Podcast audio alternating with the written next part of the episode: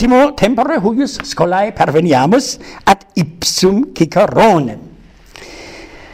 Qua duo de caput duo de quinquagesimum. Cicero autem se cum puer fuerit plurimum debuisse fatetur arsiae poetae plurimi vestrum norunt illam uh, uh,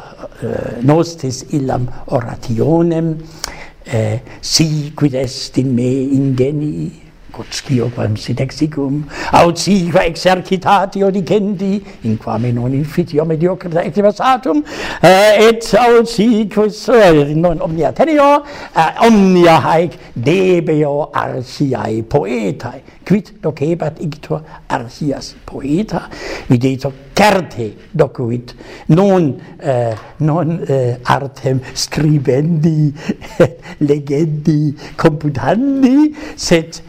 Eh, sed eh, dogeba grammaticam id est una cum Cicerone e legebat et explicabat Homerum Menandrum optimos Graecos scriptores de inde autem etiam tradit quaedam elementa rhetoricae quaedam rhetorica progymnasmata exercitationis, Uh, Pergamus oratores studiosissime audivisse dicit sulpicium rufum et aurelium cottam excellentes nam hoc erat maxime romanum eruditio ad eloquentiam non erat potissimum in scolis et in eh, et in, in declamationibus et in artibus tradendis sed maxime in eo quod Romi quod appellato tirocinium fori. Scilicet ut adolescens uh, eh, cum aliquo patrono senioricum aliquo adit eh, form ibique audit nobilissimos uh, oratores inde plurima discit Uh, hoc hic est vetus mos, uh, vetus mos Romanus maxime laudatus a tacito in dialogo de oratoribus non vocator tirocinium fori quamquam uh, haec verba non sunt uh, vetusta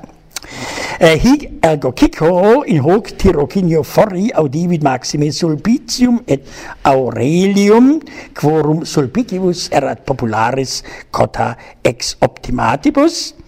e rhetoribus autem nunc ad ipsam rhetoricam institutione venimus adiit postea Apollonium Molonem, qui erat notissimus retorum, eo tempore docebat autem rodi radi eh, cicero primum in as eh, hisce anis primum in Asia celebres retores adit de inde rodi venit ad Molonem quem jam audivarat eh, Romae antea. Uh, hic est nonullos etiam in Asia magistros, quare inimici eum interdum axianum vocabant. Uh, erant ei qui ipsi malebant esse attici, de his postea dicemus nunc nolo longus esse in his rebus. Set, nunc audite, Ha! relinquimus retorum scolas ad maiora venimus, sed multum macus eum tenuit Pilo, philosophus academicus, cicero ipse dicit, totum me tenuit Pilo. Ium semper ut maximum magistrum suum celebrat non retorem, sed philosophum ex academia et est quasi discipulum Platonis, eh, Pergamus qui eum et amore Platonis intendit Cicero semper per totam vitam summus admirator erat Platonis divini quem appellat et scitis eum ad imitationem eh, Platonis et iam nullos dialogus de oratore de republica eh, de legibus scripsis eum val et iam timaeum ad verbum transtulit e craico. Algo ium qui eum? sciriet philo et amore platonis incendit et ex erquit arte illa in utramque partem disputandi.